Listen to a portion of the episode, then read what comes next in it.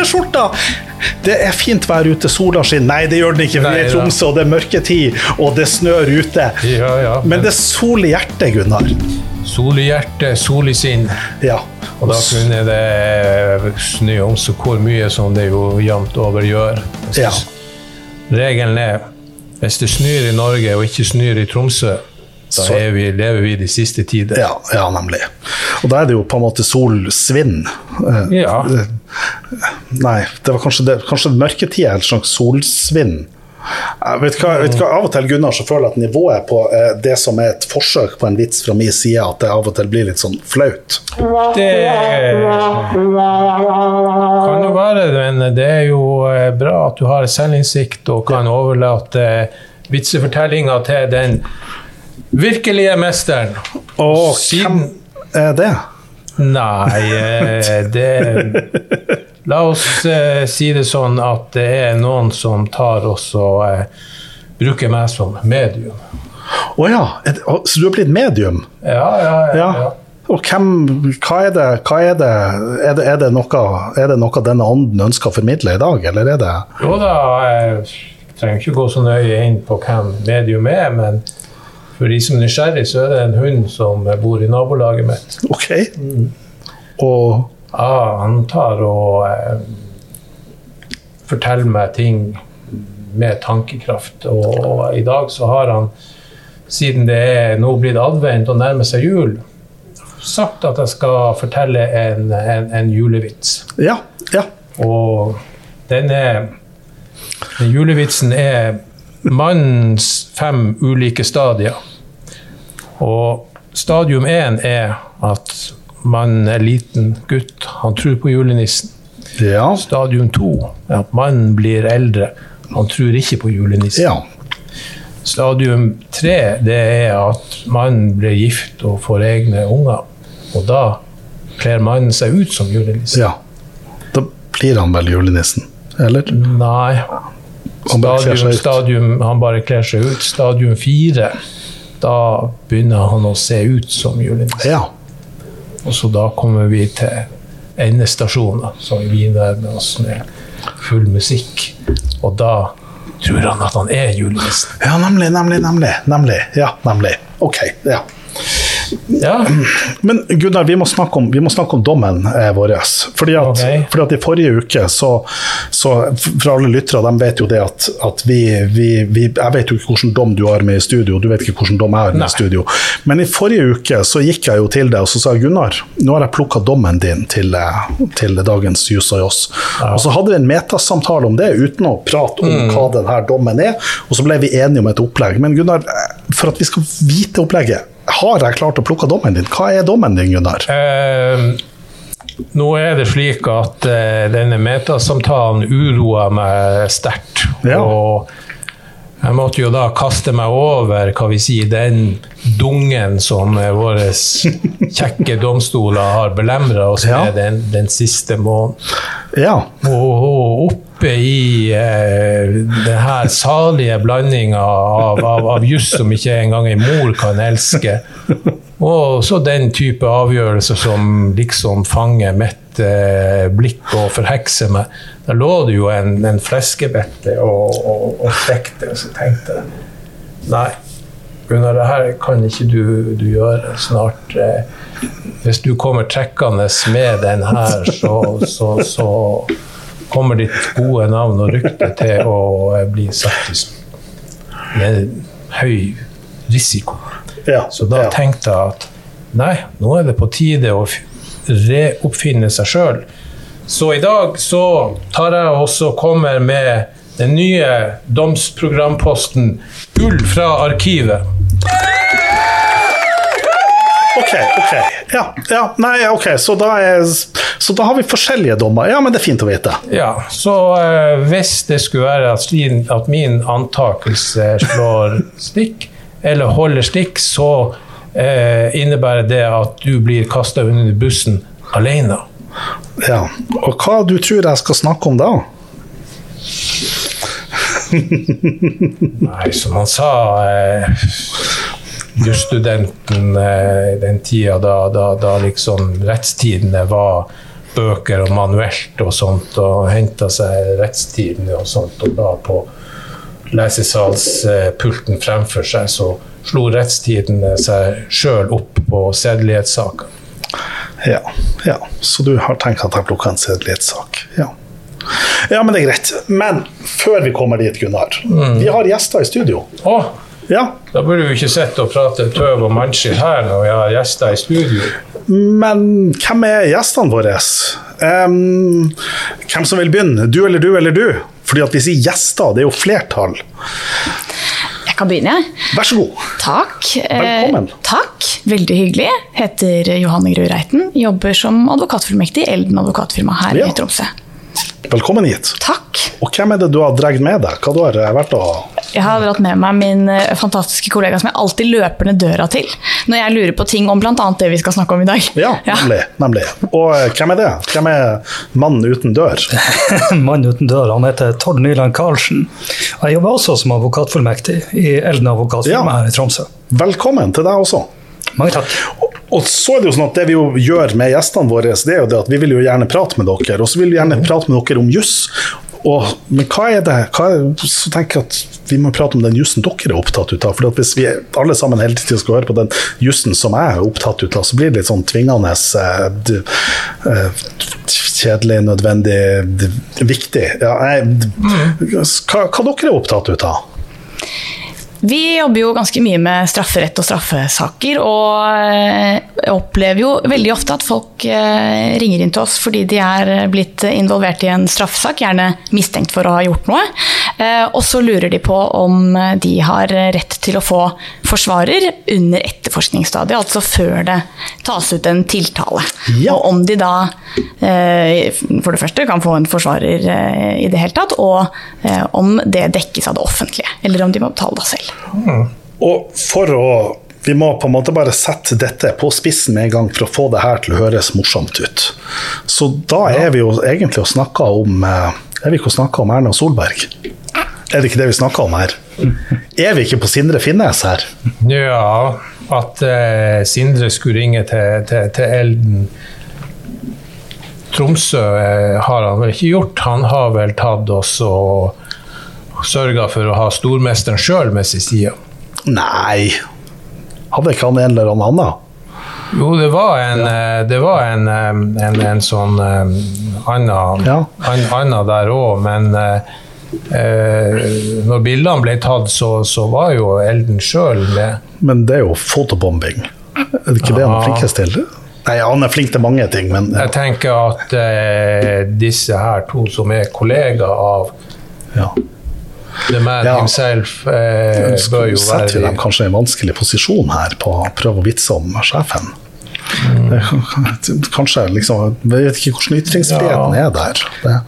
Men, eh, men, altså, men altså, bare for å, for å ta det i en kontekst, så la oss bare aller første liksom, ta den der disclaimeren. Ikke sant? At, at, jeg tenker at La oss bruke Finnes-eksempelet som, som et eksempel. Og la meg også legge til grunn at jeg forventer det at dere ikke har vært involvert i den saken, eller uttaler dere om den saken og kjenner den om det. sånn at jeg vil bare bruke den som et eksempel. Og når dere uttaler om den, så er det så har ikke dere vært involvert i saken og ikke insiderkunnskap om den. Så har vi fått lagt det, og der sitter dere to og nikker begge to. Men hva er det som skjer i sinne, sinnes-saken? Sin, finnes, finnes, fins, sinns, Sindres, sinnsaken. Vi kan jo, um, vi kan jo ta og um, det, må jo faktisk trekke til noe enda litt mer teoretisk her. Ah, fordi, fordi og det, det har litt sammenheng med Økokrim sin avgjørelse om å ikke opprette etterforskning. Nemlig. Nei. Sånn at det, det som kunne vært en straffesak her, det ble aldri Nemlig. faktisk en straffesak. Nemlig. Men hvis vi tenker oss at det her var en type sak som endte opp med etterforskning, så kan den jo tjene som Men vi må si saken. Ja. For saken er ikke sant, Sindre Finnes er gift med Erna Solberg. Sindre Finnes handla aksjer mens han er gift med Erna Solberg.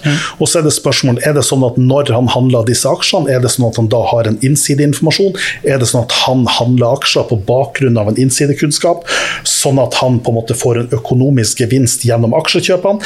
Eventuelt på den måten at han prøver å påvirke Erna Solberg til å ta beslutninger på en sånn måte at det gir han en økonomisk gevinst i aksjekjøpene. Da vil det på en måte være et straffbart forhold.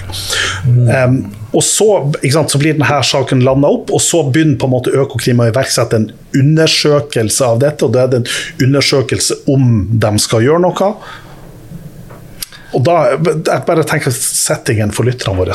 Har jeg rodd oss ut på feil land her? Ja, Du, du ror oss ut i det som faktisk skjedde. Eh, Men oh, ja, for, for at vi skal kunne ta og diskutere det her ut fra, ut fra retten til forsvaret på etterforskningsstadiet som temaet vårt, Ja. så er vi faktisk nødt til å tenke oss et teoretisk hendelsesforløp. Ja, ok, greit. Og det teoretiske hendelsesforløpet er at det er oppretta en etterforskning der, meg blikket. der Økokrim lurer på og vil faktisk undersøke om det har skjedd noe straffbart. Så hvis vi tenker oss det, det og det kan egentlig være en hvordan som helst type Ja. straffesak, der, der politiet oppretter en sak ja. uh, for å avklare har det skjedd noe straffbart. Ja. Uh, og for den, for den kjempenerdete så kan vi legge til at uh, formålet med etterforskningen det er òg lovregulert. Ja. Eh, Det er i samme lov som retten til forsvarer. Eh, Da er et av hovedformålene er å avklare om det overhodet har skjedd et straffbart forhold.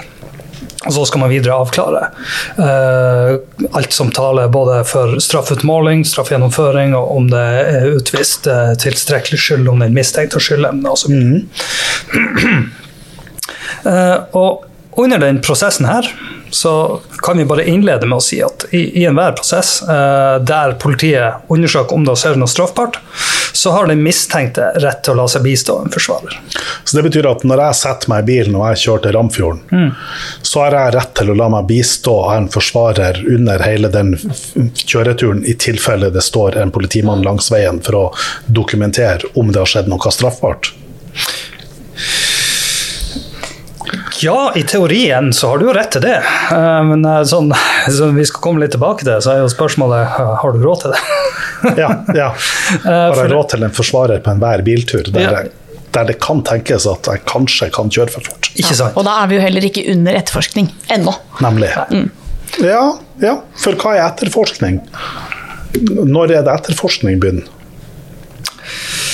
Altså, politimannen står og plukker meg med, med laser.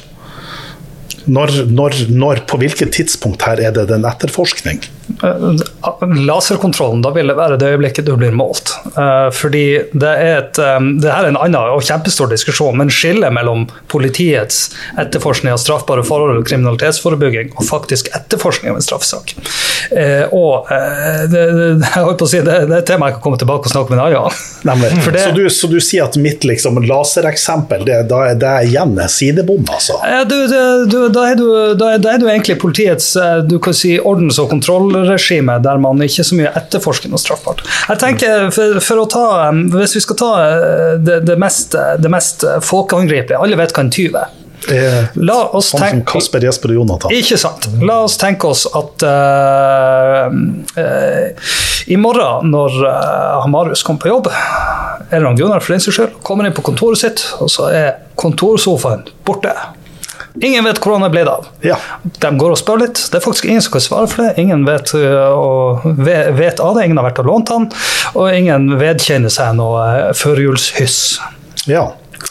Så uh, la oss si at Gunnar savner sofaen sin og går da til politiet i Tromsø og anmelder et tyveri. ja. Nå er politiet nødt til å gjøre etterforskningsskritt og undersøke om det har uh, skjedd et straffbart forhold. Nå Ja. har de, de har en viss adgang til å ikke gjøre det. Men Ja. under, denne, øh, under uh, sine innledende undersøkelser og litt utspørring og sjekking av overvåkningsvideoer på, uh, på øh, universitetet, så ser politiet at det er en mann med julegenser og briller som bærer en sofa ut Etter julebordet. etter julebordet. Og nå, eh, nå eh, vil jo da gjerne politiet ha denne mannen i tale. Så blir da spørsmålet eh, Politiet Men julegenser eller juleskjorte? jule, både genser og skjorte. Oh, ja, Det er litt om en annen, en på hodet. en Ja, ja, ok. Ja.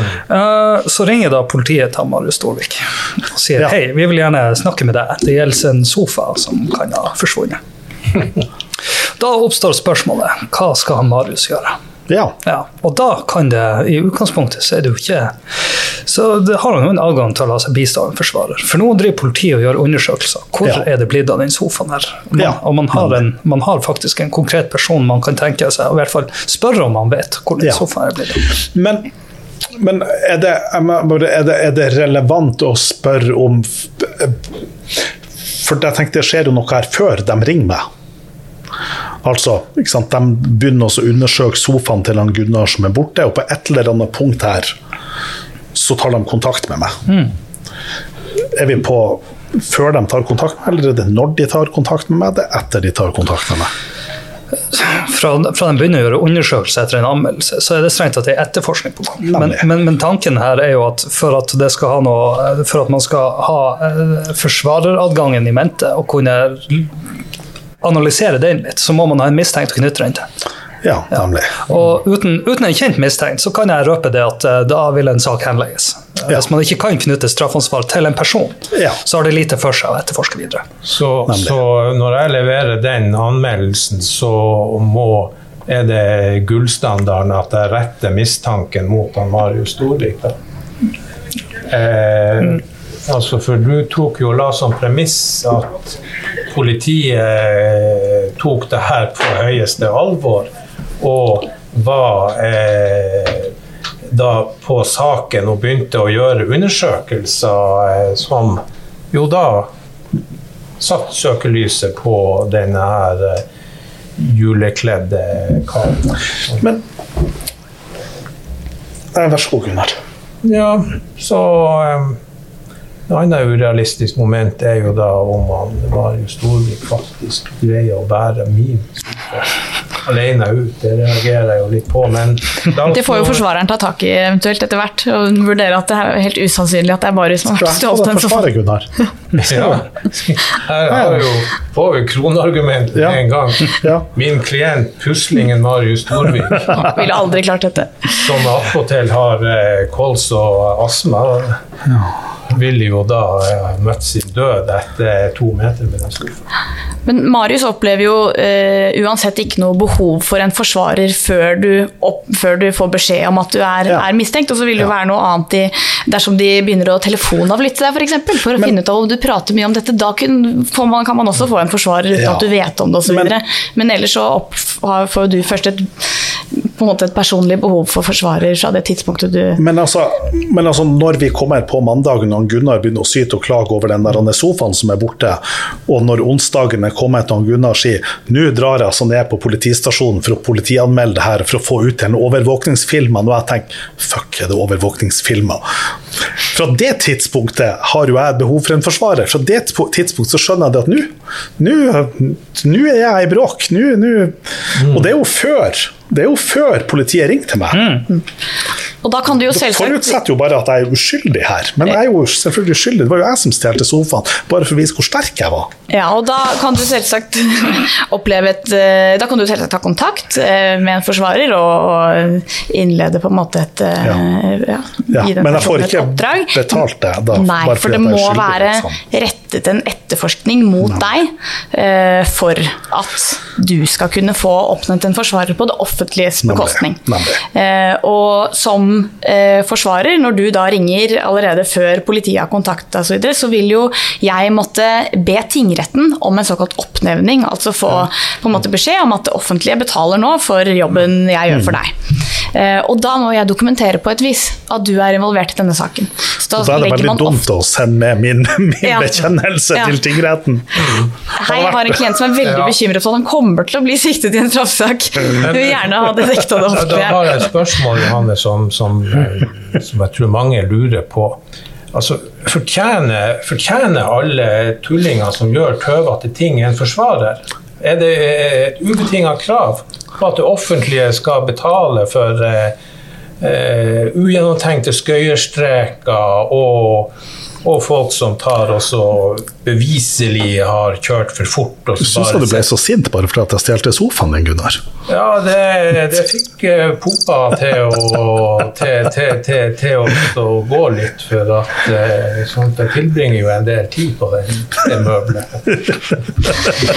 ja, det, er jo et, det er jo et større spørsmål. Så er det jo sånn at man på den ene siden her så sitter eh, politiet, altså staten, med alle ressursene de kan ønske ønske seg og kan etterforske deg i lang tid med ganske mm. inngripende virkemidler. De har en kjempestor verktøykasse som vi også mm. bruker en del tid på å forklare klientene våre innledningsvis i straffesaker hva er det eh, hva er det politiet kan gjøre nå for å undersøke?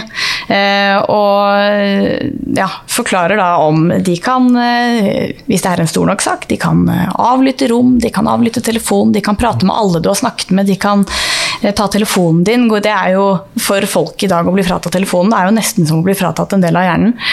Mm. og de kan gå gjennom, gå gjennom alt der. og det å Da får folk seg ofte en Eller litt å, å, tenke på når man ser hvor mye politiet da kan gjøre. Og så vet du da, du har politiet på den ene siden som står og kan gjøre alt dette, og så står du på den andre siden, og ja da, du har muligens gjort noe veldig dumt, men det å da ha ett menneske som er med deg og uh, forklarer deg hva som skjer gjennom prosessen, er med deg og sorterer litt hva er det du faktisk er mistenkt for å gjøre, og hva er det du ikke er mistenkt for å gjøre. For det er jo ikke sånn at vi er vi skal jo ikke være nødt til å forklare selv om ting politiet ikke har uh, såkalt det der inkrimineringsvernet. Eh, og og det å ha noen som kan hjelpe deg å sortere litt tanker, eh, rydde ja, og være med i, i, den fasen, også kunne være med å kreve at politiet gjør etterforskningsskritt. Ja. Hvis man ser at her er det jo vesentlige ting de ikke har fått med seg fordi de ikke har prata med Trude. Og mm. Trude så jo denne sofaen forsvinne sånn og sånn. Eh, mm. Så det å ha én eh, sånn støtteperson, både som kan det faglige, men også litt for det, for det psykiske, for ja. det er en kjempebelastning ting og bli, mm. bli eh, siktet eller mistenkt da, i en straffesak. Det er en ubetinga rett eh, på samme måte som at man har rett på legehjelp sjøl om man har drukket så mye alkohol at man eh, har blitt dårlig av, av det. Så er det mm. ingen som sier at nei, det var jævlig dumt, du fortjener ikke noe hjelp for det. Så vi trenger ikke bare, bare ja, nei, det, ja, nei, det, det, er en, her, her, er det den sterkestes rett. Ja vel, ok. Ja, ja for det er det, det som Gunnar sier Til lytterne så var det som skjedde, det var det at det var Tord rakk det forsiktig liksom, med hånden oppi været. Såkalt replikktegn. Nemlig replikktegn. Men, men det, er, det er, som Gunnar sier, eh, så er det Man skulle gjerne sett at det var en ubetinga rett til forsvarer, men Stortinget har sin visdom, og ikke domstolene, men Stortinget sjøl, har faktisk innskrenka den retten litt. Uh, og det er Eh, altså Selv om man alltid vil ha rett til å la seg bistandsforsvarer, så er det ikke alltid slik at staten dekker kostnadene til en forsvarer. Det ene er under etterforskningsstadiet. Da vil man normalt, så er faktisk hovedregelen at man må dekke sine forsvarerkostnader sjøl. Ja. Uh, og det andre er at under hovedforhandling for tingrett, mm. så er det enkelte sakstyper som lovgiver har sagt at her får man ikke dekt forsvarer som hovedregel. Og det er typisk trafikk? Det er trafikk, ja. Det stemmer. Det er ruskjøring og promillekjøring. Men kun de, nei, ja, Rus- og promillekjøring og kjøring uten gyldig førerkort. Men kun de to typer. Oh ja, men fart? Ja, da, hvis det er stort nok, så får du rett til forsvar. Fordi, for det, det, det, er det ene punktet. Det andre punktet det er såkalte foreleggssaker. Altså saker som ble avgjort ved bot fra politiet. Ja, nemlig. nemlig. Så derfor må, du sier fort nok. Ja, liksom. for du, må kjøre, liksom du, må kjøre, ja, du må kjøre ganske fort. Nemlig, for må over 86 i, i 60-sona. Ja, ja, du over, må, ja, må ja. opp der. Det må være snakk om at reaksjonen må være noe annet enn utmålt bot. Ja, ja. Uh, mm. På bare, samme måte med, med, smugling, som er liksom over ett kilo tobakk. liksom. Ja, ja, Skal jeg komme de andre jeg var, jeg var, veldig spent på hva du skulle si. Etter ett kilo skulle jeg, skulle jeg si at det hørtes ikke det, men tobakk det ja. Men uh, skal han ha det at han vet nøyaktig hvor grensene går? Ja, det er imponerende det der. Hvor er for, uh, for uh, brunsprit? Det, det, husker jeg, det, det, kunne jeg for noen år siden, men det, det, det ja. uh, det, siste, det. siste punktet, da, det er i saker som bare gjelder inndragning. Der har man heller ikke rett til en, til en offentlig oppnevnt forsvarer, som utgangspunkt. Men det fins selvfølgelig, det er ingen regel uten unntak. Men inndraging, da er det uansett beløp? Uh, ja. Det, det, er ganske, det er ganske spesielt. I, I, utgangspunktet så kan man si det spesielt, men så må du huske på at inndragning er ikke for straff alene. i utgangspunktet. Ja, uh, men det er jo likevel altså Hvis jeg har ja, inndragning, det kan jo være ganske store beløp.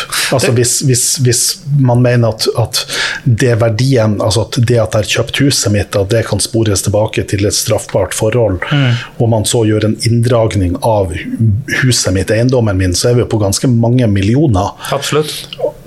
Og det er klart at den påvirkninga for meg ved at huset mitt blir inndratt, sammenligna med at jeg skal være tre måneder i fengsel eller én måned i fengsel, så tenker jeg at ja, jeg tror jeg heller hadde tatt én måned i fengsel enn at jeg hadde mista huset mitt med verdien ut av det.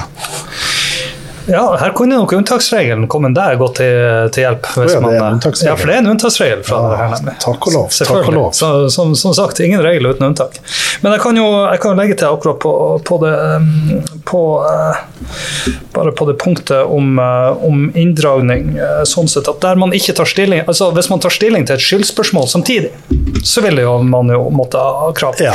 Og det, det skulle være en ganske underlig sak der du der du ikke hadde rett på forsvarer eh, etter hovedregelen, Ja. men det var snakk om inndragning i millionklassen. Ja, men og, og nå er jeg på svingende grunn her igjen, men, men jeg syns å huske i forhold til inndraging altså at det er et annet beviskrav der enn i straffesaken, er det ikke det?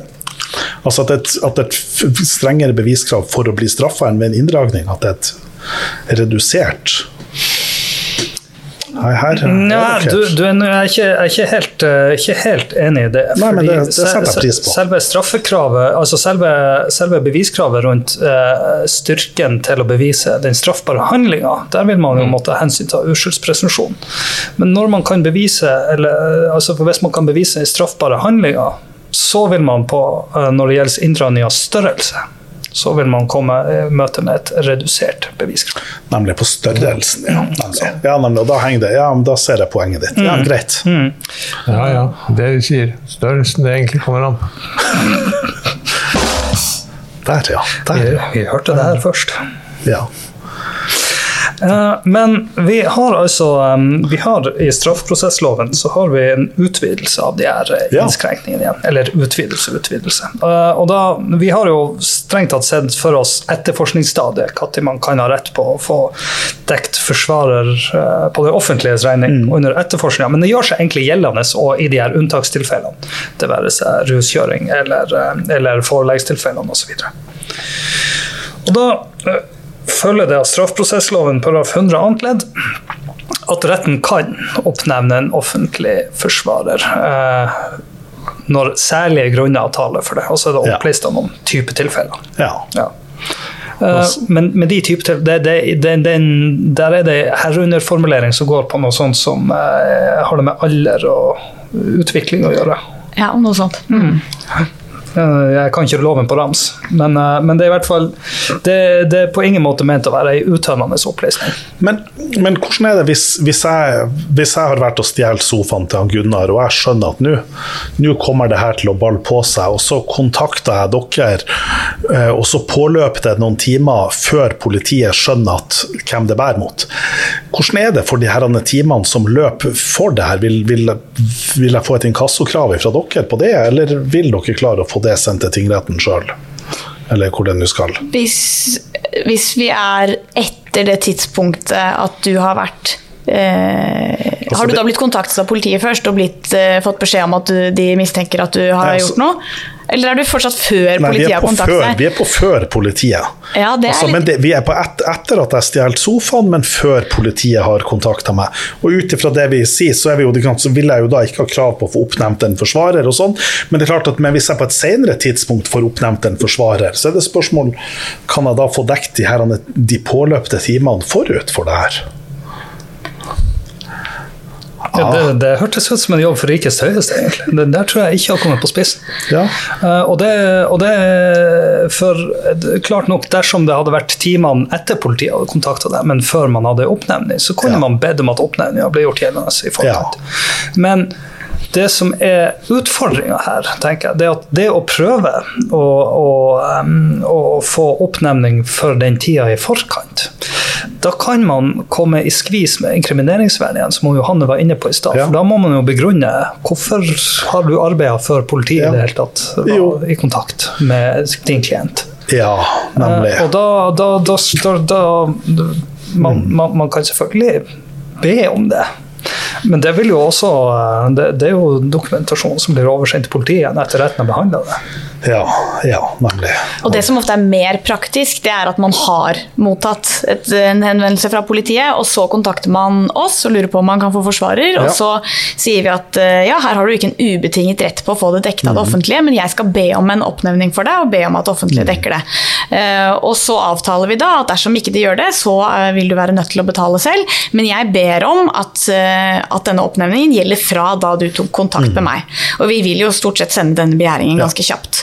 Ja. Eh, og når vi da har eh, Jeg har vel egentlig alltid opplevd å få Nesten i hvert fall alltid opplevd å få det, også fordi det er snakk om så få timer. Ja. Eh, ja. Og det som er da eh, Høyesterett har jo da gått litt inn på hva er det som hva slags vurdering er det som skal gjøres av om det foreligger disse særlige grunnene. Eh, og det er jo ikke et sånt eh, som de fleste andre ganger når det står særlige grunner, så er det ikke sånn helt konkret og spesifikt innhold på det. Det består av flere, flere momenter. Og det man særlig ser på, ser på da, er jo hvor alvorlig saken er.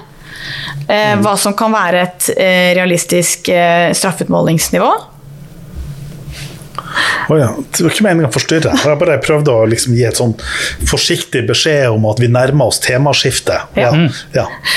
Eh, og hvor eh, stor betydning saken er for den sikta, om det er komplisert faktum og juss, og alderen til den sikta. Eh, og hvis man har manglende språk eller utfordringer med, Ja. med å forstå. Så liksom i realiteten, hvor stort behov er det egentlig vedkommende har? Ja. Treng, trenger du forsvarer eller ikke? Ja. Det er vel Ja. Ja. Og her vil man jo hensynta det her partslikhetsprinsippet, som Johanne var inne på eh, innledningsvis. At man, at man prøver å sikre seg det at der staten sitter med uendelige ressurser, så Ja. har man i hvert fall en, form for motvekt. Ja, Men så har Men det er jo Ja, nei ja, det er bare, vil merke at det Høyesterett har sagt at dårlig råd er spesifikt nevnt som et moment som ikke i seg selv fører til oppnevning. Så selv om Hvis det er sånn at det er et behov, men det, du, du utelukkende har dårlig råd, så er ikke det i seg selv nok. Man må også se på de her hensynene som, må- som Johanna har trukket frem. Ja. Men ikke i seg sjøl, men det betyr at det er sammen med andre momenter. Så Ja, som, som alle rettslige standarder. Det Ja. vil være konkret helhetsvurdering. Det er Ja, det, det, er det fantastiske jussvaret som alle jusstudenter misliker til å begynne med, og som man etter hvert begynner å skjønne det er veldig praktisk. ja, i hvert fall hvis du har tilgang på en advokat. En avokado. Ja. Det er bra. Men eh, et sånn avsluttende spørsmål er dere som driver med strafferett. Tar dere også da bare tjene halvparten så mye som de andre advokatformettingene som driver med lønnsom jus? Eller Eh, Akkurat, Vi er jo ansatt, så vi har jo en, har jo en fastlønn, men for Ja. firma har det jo veldig mye å si. Eh, sånn at det betyr jo at hvis du har noen eh, forventninger til hva du skal tjene inn per år eller per måned, eh, og Ja. du da jobber mye på saker på offentlig sats, og du eh, hvis du hadde jobbet på saker med sivilsats, hadde tjent eller, ja, nesten dobbelt så mye, da, så vil du jo måtte jobbe dobbelt så mye hvis du tar eh, mye Ja. straffesaker. Så eh, da er svaret at det er heldigvis ikke slik at dere må stå på Narvesen på kveldene for å få det til å gå i hop. Dere har ei eh, decent eh, fastlønn som, eh, som er lik for de som fakturerer næringslivsklienter og får inn dobbelt så mye. Nå vet vi ikke vi så mye, om lønna til de andre, men det aner oss nok at, at der de fakturerer for mye høyere timesatser, så er det nok også høyere lønn. Det er ikke veldig god, god business å drive med I hvert fall ikke hvis man ikke har mange straffesaker om gangen. Så er det krevende å klare å leve av det. Nei, men da er dere jo i samme båt som, som meg og han, eh, Marius. Dere eh, er på en plass og jobber med ting som dere liker og, og, og, og brent for. Og eh, aksepterer at eh, Disse vilkårene. Ja, altså vi har eh, jevnaldrende som tjener millioner på millioner på millioner. Det Bryr det oss? Nei. Nei, det, sånn, sånn er det. Men skal vi bevege oss videre på neste tema? Ja, hvis det- vi har det- eh, noen tema å Ja. på. Altså for, for jeg hadde jo egentlig tenkt å prate om, om liksom dansing og sånn her. Okay. Men, men når du kommer her og kaster meg under bussen, så tenker jeg at ja, kanskje, jeg skal, kanskje jeg skal dra opp et annet liksom, tema fra Jeg syns det her var litt vanskelig. Altså. Jeg synes det her var, var Syns- Jeg syns at du skulle eh, ta og stå, stå for det du opprinnelig tenkte, å, å ta og så ta dansing? ta, ta dansing, så kan jeg til gjengjeld ta og så friste med at jeg skal slippe så mye luft jeg klarer ut av dekkene til bussen.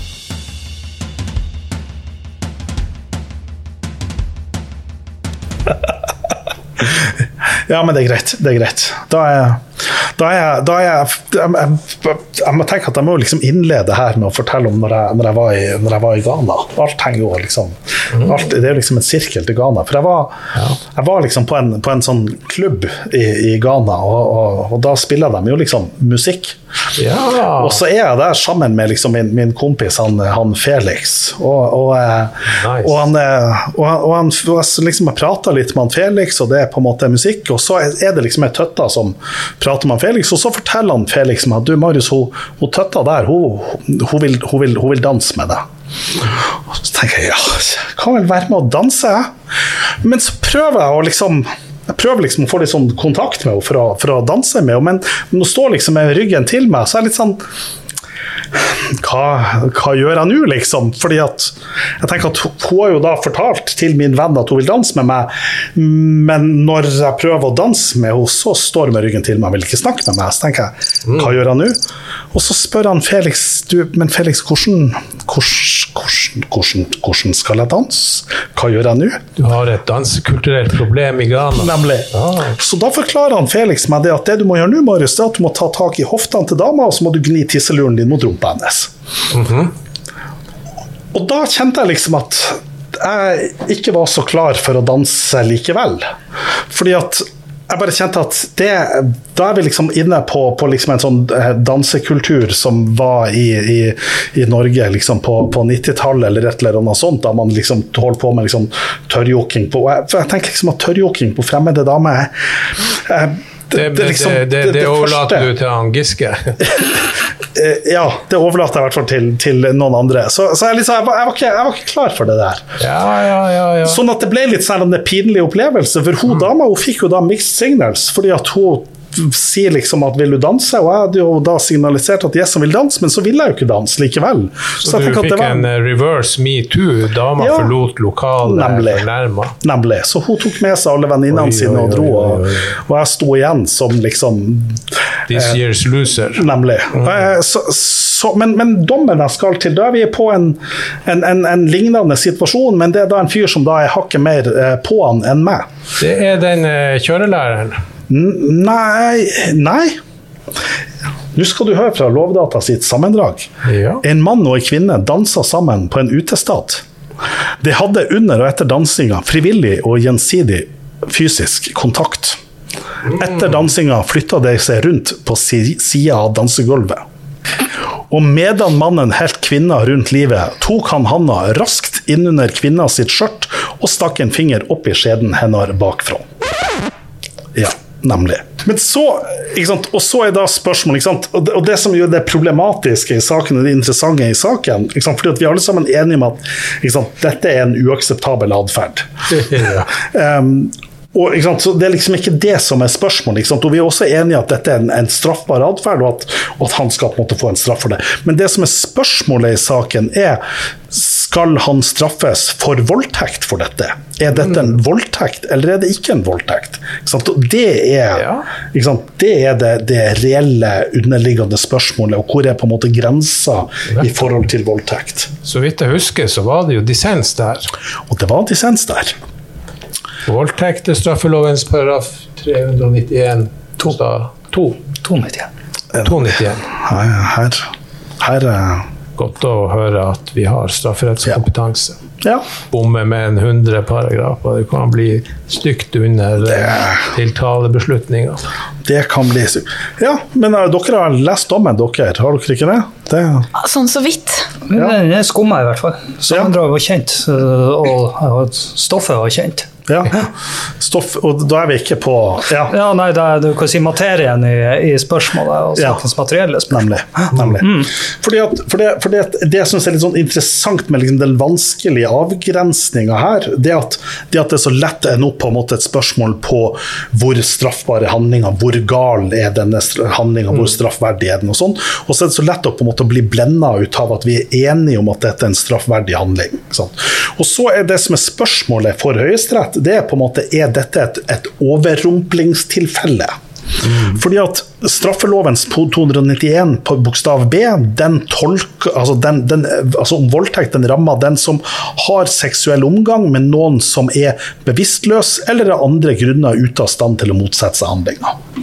Og så er det sånn at, ok, Hva er det denne bestemmelsen handler om? Jo, denne bestemmelsen den handler om at sant, du har en voldtektsbestemmelse. ok? Den som voldtar noen, det er på en måte dem som hopper på noen og voldtar dem. ok? Og Så får du en utvikling ut ifra det, hvor du da får disse sovevoldtektene, og du får disse ekteskapsvoldtektene, og du får de her. Og så får du da på en måte, så kriminaliserer man det også, en veldig god, fin, sunn utvikling. Og så får du da disse folkene som da eh, ligger ligger og sover er bevisstløs. Ok, Den personen ligger og er bevisstløs og dermed er ikke i stand til å motsette seg handlinga. Og når du da får en, en voldtekt ut av det, så er det ikke et nei, det er ikke en motstand, det er ikke noen av de her tingene. Så spørsmålet kan vi kalle det en voldtekt. Og da skjærer lovgiver gjennom og lager til denne bestemmelsen og sier at ja, den som sant, seksuell omgang med noen som er bevisstløs eller andre grunner, er i stand til å motsette seg handlinga. Og så får du da en utvikling ut av det, hvor du da får disse overrumplingstilfellene. Hvor du da har på en måte ei dame som går langs gata, og så får du da folk som da på en måte hopper på henne, og da gjør akkurat den samme handlinga, altså stikker fingra opp i skjeden. Um, og så er det sånn at det å sant, Definisjonen på hva er forskjell på en voldtekt og en eh, hva er det, seksuelle, seksuell handling, seksuell ja. omgang. Um, og dette er seksuell omgang, og så er det da hakket under er på en måte en seksuell handling. Så, så det er liksom det her voldselementet i voldtekts... Uh... Jo, men, men altså seksuell handling, da er du på en måte på at man tar på, på rumpa eller på puppene. ikke sant? Mens Ja seksuell omgang, da må du på en måte være en penetrering. Og eh, Å ja, det her ristes det på hodet. Eh, Vi, det må ikke være en penetrering, sies det fra strafferettsadvokatene. Um, penetrering er kjerneområdet, men, men vi er i hvert fall i Er det noen som vil komme en oppklaring her på hvor eh, Ja, du, du kan si det så at eh, den uh, seksuell handling, altså sånn, det, det å beføle noen med seksuell motivasjon, og, eh, Ja. det, det vil jo være det mildere sjiktet. Ja. Mens en seksuell omgang, det er ikke nødvendigvis bare penetrering. Det, Ja. være, det, det har vel vært tilfeller sånn kosteskaft og sånn her, men det er jo penetrering. Ja, men ja, da kommer man igjen med det her såkalte voldtekte samleie. Eh, Ja. Mens, mens ei- ei seksuell handling kan være Nå tar jeg et reelt eksempel fra rettspraksis, der en, eh, der en, eh, en ung mann eh, lå og sov med dama si og fikk tok Mens hun sov, han var våken, hun sov, så tok han hennes hånd og fikk hun til, eller så onanerte han seg sjøl med hennes hånd mens Ja. hun sov. Det var rene for seksuell omgang, men her Ja. var det jo da ikke tale om noe penetrering. Ja, nemlig. Eh, men han ble da dømt for ei sovevoldtekt. Hvis det, det, ikke siter meg direkte på det, søkt opp på sjekk. Ja. Men han ble i hvert fall dømt for noe. Og det har vel også vært, eh, hvis ikke jeg tar helt feil nå, erigert penis mot eh, noens rygg har vel også vært seksuell omgang. Men, men det, altså? For det første så viser denne diskusjonen at de her grensene er på en måte flytende, så at det endrer seg. Og det, et, det illustrerer poenget mitt. at Du har en, en, Hva er en voldtekt? Jo, Du går rundt og spør Ola Nordmann hva er en voldtekt, så vil du på en måte få beskjed om at ja, det er noen som overfaller noen og stikker penisen sin inn i dem. Da er du på en måte en voldtekt. Og så er jo det jussen gjør, det er jo det at jussen på en måte drar opp de grensetilfellene. Er dette en voldtekt, er dette ikke en voldtekt? Eh, og så gjør man det i, i det her.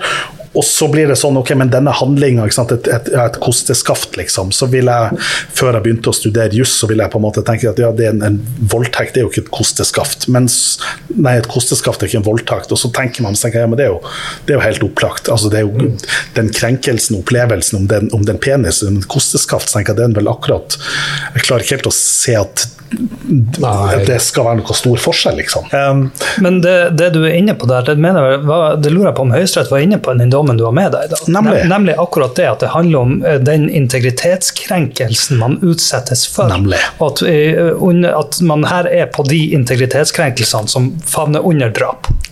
Og at man, er, at, at man er noe av det mest alvorlige man, man har sett for seg fra lovgivers mm. Nemlig.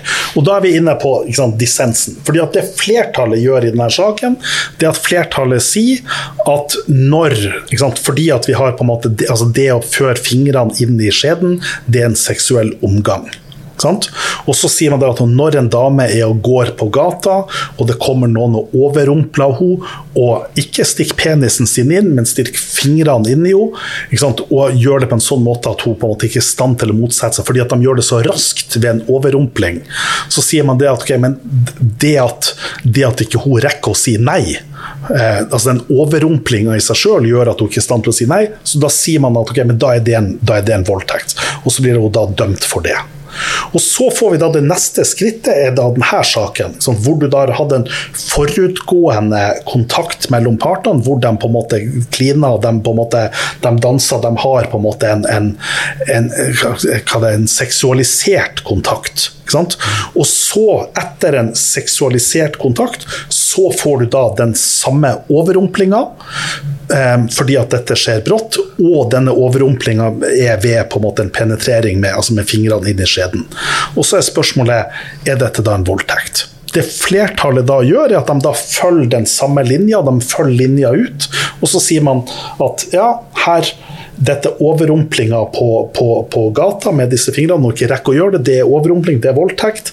Det at det har vært en forutgående seksuell kontakt, det kan jo ikke være til hennes fordel. Og Da er vi over på en, argumentasjonen, den underliggende argumentasjonen er er det sånn at fordi at, fordi at min, min kone, fordi at hun har sex med meg den ene dagen, så skal hun på en måte aksepteres at jeg voldtar henne den neste dagen. Det er ikke sånn at en forutgående seksuell kontakt legitimerer en etterfølgende seksuell kontakt. Sånn at Det er på en måte det samme prinsippet man drar opp, og basert på det så ender man da opp med å si at dette blir da en, en voldtekt.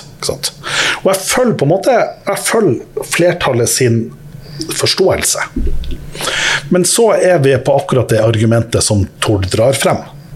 Fordi at det som da skjer, plutselig, plutselig, skjer her, det er på en måte at ja, men er dette et tilfelle hvor vi skal bruke de mest alvorlige bestemmelsene i straffelovgivninga vår? Er dette er dette Du har denne kontakten, og så har du den fulle idioten.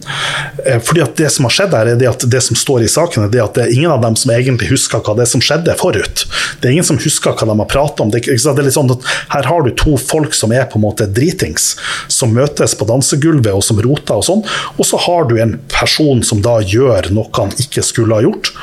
Og så har du et overvåkningskamera der som filmer det hele, og dermed så har du en dokumentasjon, sånn at når hun på en måte sier at vet du hva, dette var ikke greit, den opplevelsen, så anmelder hun det. Og så er det spørsmål hva gjør vi. Det mindretallet da sier, er at her må vi her må vi dra opp en, en grense. Her må vi si at det er en forskjell på denne overfallsvoldtekten med overrumplinga og denne overrumplinga med en forutgående seksualisert kontakt. Og jeg må si at Her følger jeg argumentasjonen til både flertallet og mindretallet, men jeg må si at jeg tenker at vi, det vi gjør her, vi har på en måte utvikling av en voldtektsregel som på en måte beveger seg lengre og lengre ifra den lovgivers intensjon. Og så kan vi spørsmålet ja, hvordan er det i forhold til legalitetsprinsippet her. For Hvis du ser på hva er det som skjer her, jo det høyeste flertallet gjør, det er det at de tar tak i den ordlyden, den rene, harde ordlyden og tolker den. Så sier man det at ja, er hun i stand til å motsette seg det? Nei, hun er ikke i stand til å motsette seg det fordi at det går så fort. Dette er innenfor ordlyden. Men er det noen holdepunkter for at det var dette til, som var ment å omfattes? Nei, det er det ikke. Så er det sånn, ja, utfordrer det legalitetsprinsippet. Det er ordlyden. En firkanta forståelse av ordlyden kan du tolke det innafor, men det er ikke en jeg vil ikke si en naturlig forståelse av ordlyden. Det du, du har på en måte en utvikling. Gunnar, kan du hjelpe meg ut av det her vannføret jeg rota meg inn i? Ja, fort gjort å bli vannfør. Så det var stakkars hjelp. Men er det, hva dere tenker om dommen? Er dere eh, Johanne, du er kvinne, så du er vel med flertallet? Ja eh, Hiver deg rett det ut i ja, stereotypien. Jeg kan også si at det, Det var jo to damer i mindretallet. det var fire, fem dommere i saken. Det var fire kvinner, én mann. Og den ene mannen var i, eh, med flertallet. Så, så beklager at jeg slengte deg ut på stereotypiene her. Det går bra. Eh, Men beklager på ordentlig. ja, jo, men- Det var, det var, jeg syns faktisk at det var urimelig av meg å gjøre det. Det var ikke på sin plass, så unnskyld på ordentlig. Ja, takk. Eh, jeg syns det, er- det er krevende med, med denne typen saker fordi det, eh, det er på en måte som, som du innledet med, det er så åpenbart for oss at dette må, må straffes på et vis. Og er eh, Og at eh, for så vidt også at det går inn under eh, seksuell omgang, kanskje, mer enn seksuell handling. Litt eh, pga. liksom, karakteren av handlingen. Eh, og det For å liksom ta det ett steg videre, det som da blir veldig problematisk, det er jo det som da er normalstraffen. Eh, som er satt til fire år. Eh, og med mindre det er liksom, åpenbare formildende omstendigheter, så skal man ikke ned, da. Eh, og det er jo eh, generelt en, en krevende ting med denne typen saker som er så eh, Det er så vidt spekter. Eh, Sånn er det sikkert innenfor, innenfor alle straffebudene, men, men det er så vidt spekter av, av eh, handlinger som eh, da tilsynelatende skal behandles så likt. Eh, som er vanskelig å akseptere, og som jeg tror vel det er eh, flere som har påpekt at eh, antagelig så gjør det at færre dømmes. Fordi særlig meddommerne eh, syns at det er vanskelig å se for seg at vi skal putte Det er jo ofte da mannen eh, i, i fengsel i fire år for dette som eh, eh, Ja. Um, som, som skiller seg så mye fra en overfallsvoldtekt. eh, som jo selvfølgelig kunne gitt en strengere straff enn fire år, fordi det er skjerpende omstendigheter. Um, ja, det er noen av de eh, umiddelbare tankene. Og så var de også inne på dette med at, eh, at de begge var berusa. Ingen huska hva som skjedde. eh, heller ikke forut for handlingen. Eh, det er jo også veldig vanlig. Og hvor den som da er gjerningsperson, skal behandles som om sant, selvforført rus er ikke eh, Det gjør ikke at Eller du, ja, du skal beregnes som, som edru. Så man står i en situasjon der, der ingen, ingen husker noe, og den ene skal beregnes som om man huska og var helt ved sine fulle fem, som er eh, er ganske krevende også. Det blir en rent sånn hypotetisk eh, øvelse. Men, men det, altså det, jeg må si at det jeg, det jeg syns er vanskelig med denne saken, det at, det at jeg kan se for meg sjøl i denne situasjonen. Jeg, sånn, jeg, jeg tror at jeg aldri har altså jeg har aldri vært i nærheten til å ha gjort noe sånt her. jeg er litt sånn, Gud forby, liksom. Men, men jeg, kan liksom, jeg kan liksom se for meg hva er det som skal til for at det skal gå galt her. Jo, ikke sant? du har en fyr. han er på fest, han har det artig, han treffer ei dame. Han tenker nå nå har vi det, liksom. Nå, vi, nå er vi i gang. Og så gjør han, så gjør han denne handlinga som en feilvurdering, og som en grov feilvurdering. Men jeg tenker at jeg, tenker at jeg har ikke gjort den feilvurderinga, men jeg har gjort tilsvarende feilvurderinger. Altså på andre områder i livet. Interessant. Altså, jeg er litt sånn, jeg, fordi det, handler, det handler om at du på en måte leser en situasjon. Du leser en situasjon, og du leser situasjonen feil. Og jeg, og jeg tenker at jeg tror ikke at den mannen, når han dro på fest den dagen, har tenkt yes, i kveld skal det bli en voldtektsmann.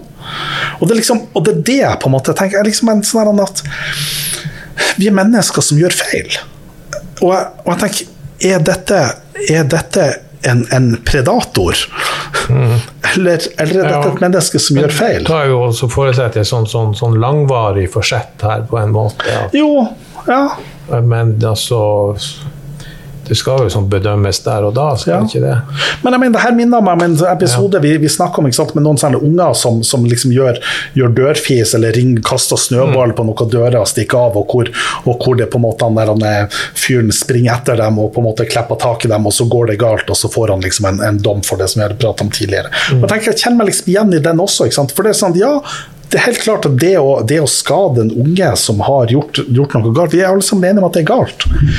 Men så er jeg sånn, ok, men, men hva er det som er det underliggende? Du har mennesker, vi er mennesker som gjør feil. Og hvordan, hvordan skal vi som jurister, og hvordan skal vi som straffevesen forholde oss til det? For jeg tenker at ja, vi trenger på en måte å markere, vi trenger å på en måte rydde opp i samfunnet, det skal være en trygghet i samfunnet. Mm, Men, men vi må også ha et rom for å være mennesker. Så du mener det er ikke trygt å gå på fest lenger? Nei, ikke sant? og det det, og det, og det syns jeg er litt sånn vanskelig med det her, fordi her har du den, her har du den minstestraffen som er så Ja. høy. For jeg er på en måte enig i at sant? det må markeres.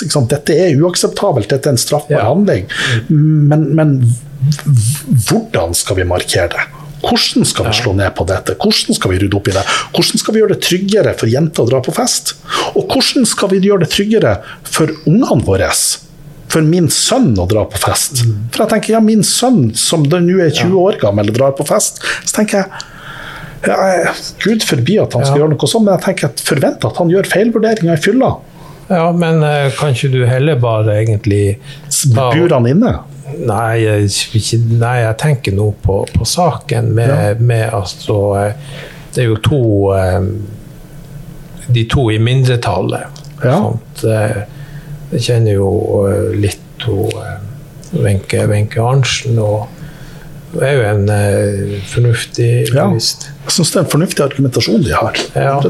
Altså at, de, at deres motivasjon for å ta og så eh, subsummere som de gjør, kanskje er motivert av at, eh, av at her slår en, en, en veldig hård straff inn hvis man går for eh, to- 2,91. Jeg lurer òg på om, eh, om en, en, en del av som du var inne på, Marius, en del av argumentasjonen til mindretallet går også på det at man, om man om, selv om man kommer innenfor ordlyden her, så vil, man, så vil man her kanskje ha beveget seg tilstrekkelig langt vekk fra lovgiverviljen. Mm. Men, men samtidig, det, det vanskelige med det, å utfordre med det, er at lovgiverviljen var jo å straffe det her nærmest sagt eh, drakonisk strengt. Eh, Men det er jo når vi har Lovgiverviljen er jo drakonisk strengt. For, over, for overfallsvoldtekt. Ja. ikke sant? Ja. Det var det, det, var det som var tankegangen. Vet man jo. Men så, så er problemet det at de, de skrev jo loven som de gjorde. Ja, ja. Eh, og, og skrev at det straffes eh, med fengsel fra 3 til 15 år. Det er kjempelenge. Det, det, det er voldsomt leie. Du, du, eh, hvis du underslår 3 millioner kroner, så får du halvparten av det. Ja. Det og det er òg mye penger. Ja. Så, det, så det, da er det, det eh, det, det, blir, det, er jo spørsmål hvor langt kan man strekke den lovgiverviljen. Og jeg lurer på at mindretallet der er, åpner døra litt for å, å i, i hvert fall forsøke å bringe det her opp til en politisk diskusjon. Eh, og stilt har det vært etterpå. Uh, fordi det, akkurat det her straffutmålet den opptar ikke, den opptar ikke offentligheten. Og I hvert fall ikke i disse tider. Og for å, for, bare for å, jeg vil- jeg vil bare legge litt til spørsmålet ditt om hva, hvordan, hvordan vil vi det skal være, og hvordan kan man unngå det. Så det er Et godt råd i disse julebordstider. Drikk et glass vann mellom hver drink. Ah. Eh, Det er ikke, altså jeg skal ikke, Uten at jeg mener noe i det hele tatt om saken, så er det jo, som Johanne var inne på, det er veldig vanlig at alkoholen, eh, alkoholen spiller en eh, sentral rolle her. Og den lar seg ikke straffe. Nemlig. Men han med alkoholen inni, han gjør det. Så Men, men jeg tenker at sånn før vi, før vi går over på Gunnar sin dom, som sitter her og tenker at Marius, nå er vi på overtid, hvorfor har jeg ikke fått ordet på dommen min? Og jeg begynner å bli litt sånn sur på Au, ikke spark meg! Ja. Sånn. Så, så er det sånn at jeg har jeg jo tatt med meg det sant, i forhold til mine unger. Fordi at, fordi at det har på en måte vært sånn at man skal liksom si til ungene at ja, nå jenter, nå må dere passe på at dere ikke drikker dere så fulle at dere må være så edru at dere passer på dere sjøl. Og for meg så har det vært et poeng at jeg sier til sønnen min og sier at hør, du er nødt til å drikke på en sånn måte at du til enhver tid har kontroll, at du vet hva det er du gjør for noe, og at du klarer å passe på deg sjøl. For jeg tenker at det, det, liksom, Dette er dobbelt budskap. For det er litt sånn at ja, fordi at i det første budskapet om at jentene må passe på seg sjøl, så er det jo ut ifra en idé om at menn er liksom predatorer. Og så tenker jeg ja, og det, det, og det, har vært en realitet. Så tenker jeg at hvis vi skal gjøre noe med det, så må vi også gjøre noe med guttene, og vi gjør noe med alkoholbruken hos gutter. Så jeg tror at det er helt spot on at vi må snakke om det. Mm. Og ikke, ikke, bare som jurister, men som mennesker. Nemlig. Mm. Ja, men er ikke jurister og mennesker er ikke det, er ikke det er ikke vi de fineste typene mennesker? Alle jurister er mennesker, men ikke alle mennesker er jurister. Jeg fikk applaus for den. Jeg synes det var... Ja, Gunnar, skal du ja. Eh, jage oss ut på, eh, på, på, på, rettshistoriske stier? Vi skal jage oss ut på rettshistoriske stier. Jeg tok og fikk en rensende opplevelse når jeg så gjennom det her, eh, her doms... domsopphopninga eh, som rene skjære julebordoppsummeringer med, med, med bl.a. denne dansesaken. Men jeg fant en som var mye verre enn den, så Ja, det betviler jeg jo ikke. Ja, så det tok jeg og bestemte meg at nei. Nå skulle det være slutt på sveinerei, og vi skal ta heller også gå løs på det nye programkonseptet Gull fra arkivet. Og eh, ettersom jo jusutdannelsen preger meg mange, i mange, mange, mange år, og gjør det fortsatt, så dukker det enda opp eh, da eh, rettsavgjørelser i, i, hodet mitt som eh, stammer tilbake fra gammel, gammel tid, når jeg studerte. Og den her er fra enda gamlere tid. Det er en uh, avgjørelse som er 90 år i år. Oi! Så da er vi i 1934? Nei, 1933. Vi er, ikke, vi er i 1933, ja. Er, du må ikke ta nyttårsaften på forhånd. Du gleder vel deg den, så du kan oh, ja. drikke mye, ja. Mm. mye vann, mye vann. Mye vann, ja. Det har vi lært i dag. Ja, nemlig. Det. Ja, ja. Men uh, i um, den 1933-dommen, så er vi jo tilbake i 1930, og da er vi i Midt-Norge. Det er faktisk en plass jeg har eh, tilbrakt mye tid, militæret, i eh, Stjørdal, eller som det heter på korrekt trøndersk, Stjørdal! Ja. Vet du hva by, byen i Stjørdal heter? Uh, Tett, tettstedet med Stjørdalshalsen. Mm. Det, det er til da en by, og det, ja, ja, ja. Stjørdalshalsen. Ja, nei, det, det, det, det har vel med at uh, den ligger på en sånn her uh, halvøy der akkurat i Elveoset. Ja. Men jeg har også vært der i militæret. Ja, så, um, flott. Da har jeg jo på gamle branntomter, men vi var ikke der 15.6.1930 når gutten Hågen Bang og hans far Jon Bang på deres gård, som jo heter Søndre Bang. Og der, der, skulle det snart si bang. Fordi far og sønn de var da i ferd med å skulle grave ei grøft. Så, med dynamitt, eller? Nei. De skulle grave med sine egne hender. Manuelt arbeid var på moten i 1930. Ja. Og eh, for også at grøfta at den skulle bli bein, så tok de også eh, spente en, en, en streng fra A til B. Ja. Strekker du ut en streng, så har den en tendens å bli ganske bein, da. Ja. Ja. Og eh, så skjer nå at eh, de spenner opp denne strengen, og så 1930 så hadde man jo ikke så god råd. Gjenbruk var like mye i tida da som nå.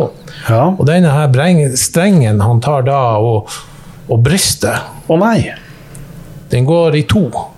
Ak. Og eh, den delen som han gutten Hågen holder i, den tar eh, Den tar, som da eh, det står i rettsdokumentene, at eh, slynget vid ved et under i været og kom i berøring med den elektriske høyspentledningen som gikk over eiendommen, syv meter opp i lufta. Og jeg tenker at det var god sprett, sprett i den uh, Og da sa det bang? Ja. Guttens legeme ledet fra enden av hesjetråden strømmen ned i jorden. Gutten besvimte derfor, og det tok til å brenne på forskjellige steder i hans klær. Han kom først til bevissthet den følgende dag på Innherred sykehus i Levanger. Den skade han pådrog seg, besto for det vesentligste i brannsår. En bar flekk på hodet hvor håret er borte, ved at pekefingeren på venstre hånd måtte fjernes, samt at venstre hånds tommelfinger fikk nedsatt bevegelighet, stivhet. Familien Bang syntes jo det her var trist, så eh, de tok jo da og eh, saksøkte Stjørdal kommunale elektrisitetsverk fordi at de hadde en farlig bedrift. Altså Ja. De er på det objektive erstatningsulovfestede objektive ansvaret. objektive ansvaret. Og eh, Stjørdal kommunale elektrisitetsverk de tok jo da til motmæle og påberopte seg da straffelovens ikrafttredelseslov paragraf 25. Og da må du hjelpe meg ut på den, for den, Ja, for er jo den, bare eh, den, før min tid, i eh, hvert fall. Her er det bare noe som en rettshistoriker kan ta og så grave fram. Hva handler straffelovens ikrafttredelseslov paragraf 25 om? Straffelovens ikrafttredelseslov endte jo opp som en sånn her oppsamlingslov for alt mulig rare Ja. saker og, og ting. Eh, Blant annet så eh, kom jo regelen om av at eh, hvis av spill og veddemål oppstår ingen forpliktelse, den havna der. Men også der havna da regelen om skadelidtes medvirkning. Og her eh, mente da Stjørdal elektrisitetsverk at som man sa i gamle dager, at uaktsomheten måtte deles. Man måtte dele på, på skylda her. Fordi at eh, å eh, holde på med noe sånn her eh, strekking av streng under ei høyspentlinje er ikke spesielt lurt. Så her eh, var det dels deres egen skyld. Det var argumentene fra Det var argumentene Ja. fra elektrisitetsverket. Men altså, ulovfeste objektivt ansvar, hjelp meg ut, hva det stadig påregnelig og eh, uventa? Ja, Er det ja, ja. Er vi på Er vi er høvelig på ja. Ja, OK, ja. Altså stadig noe som hele tida er der. Ja. Påregnelig noe som for den som har ei strømlinje der, er kan forventes er innenfor normal, mens for den som blir utsatt for noe, det er uventa. Eh, Det, ja, jeg henta frem rettshistoriens eh, glemsel. Vær så god, Gunnar. Fortsett. Ja. Um, Høyesterett uh, syns jeg jo er jo litt klok her, for at, eh, at um, de skulle da ta oss og dømme denne gutten som bare var hjalp faren sin for, for medvirkning, at han skulle ha skyld i det her, syns jo jeg er litt drøyt, og det ville virke eh, stigmatiserende. ja. Så Høyesterett de tok, tok det på noe annet, og det er jo det som det denne dommen bringer til torgs i erstatningsretten. At eh, Høyesterett sier at dette ansvaret kan dog ikke strekkes utover hva efter en objektiv vurdering kan karakteriseres som en forutselig mulighet.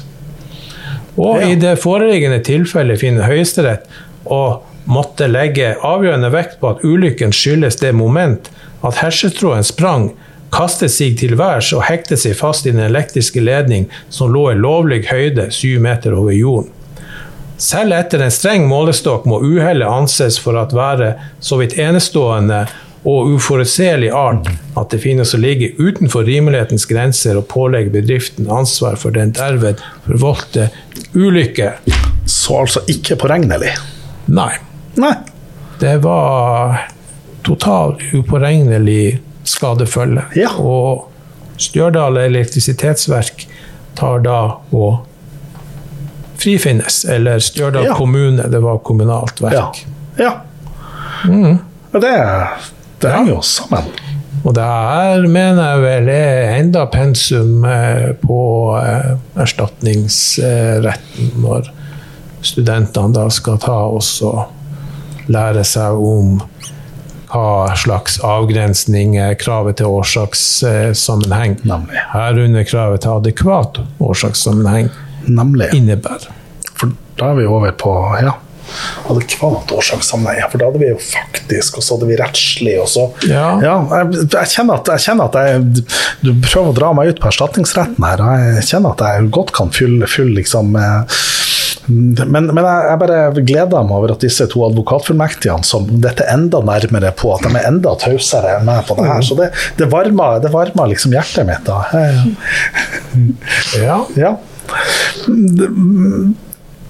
Ja. Men eh, det var det hele. Det var gull fra arkivet. Det har fått gull fra arkivet. Vi har fått fra gull, gull fra arkivet. Det er, jo helt, det er jo helt fantastisk. Ja, ja. Men Men så der fikk man gull fra arkivet. Jeg skulle si det kom taushet til gull, men eh, Ja. Men kjære venner, um, nå har vi, vi har eh, brukt tida vår. Vi er, vi er på overtida vår. Vi har egentlig et spørsmål fra lytterne, men det har vi rett og slett ikke tid til å ta. Nei, Vi må- når lytterne får fortsette å lytte, så vil Ja. de få svar. Ja, En gang sånn. i ubestemt fjern fremtid.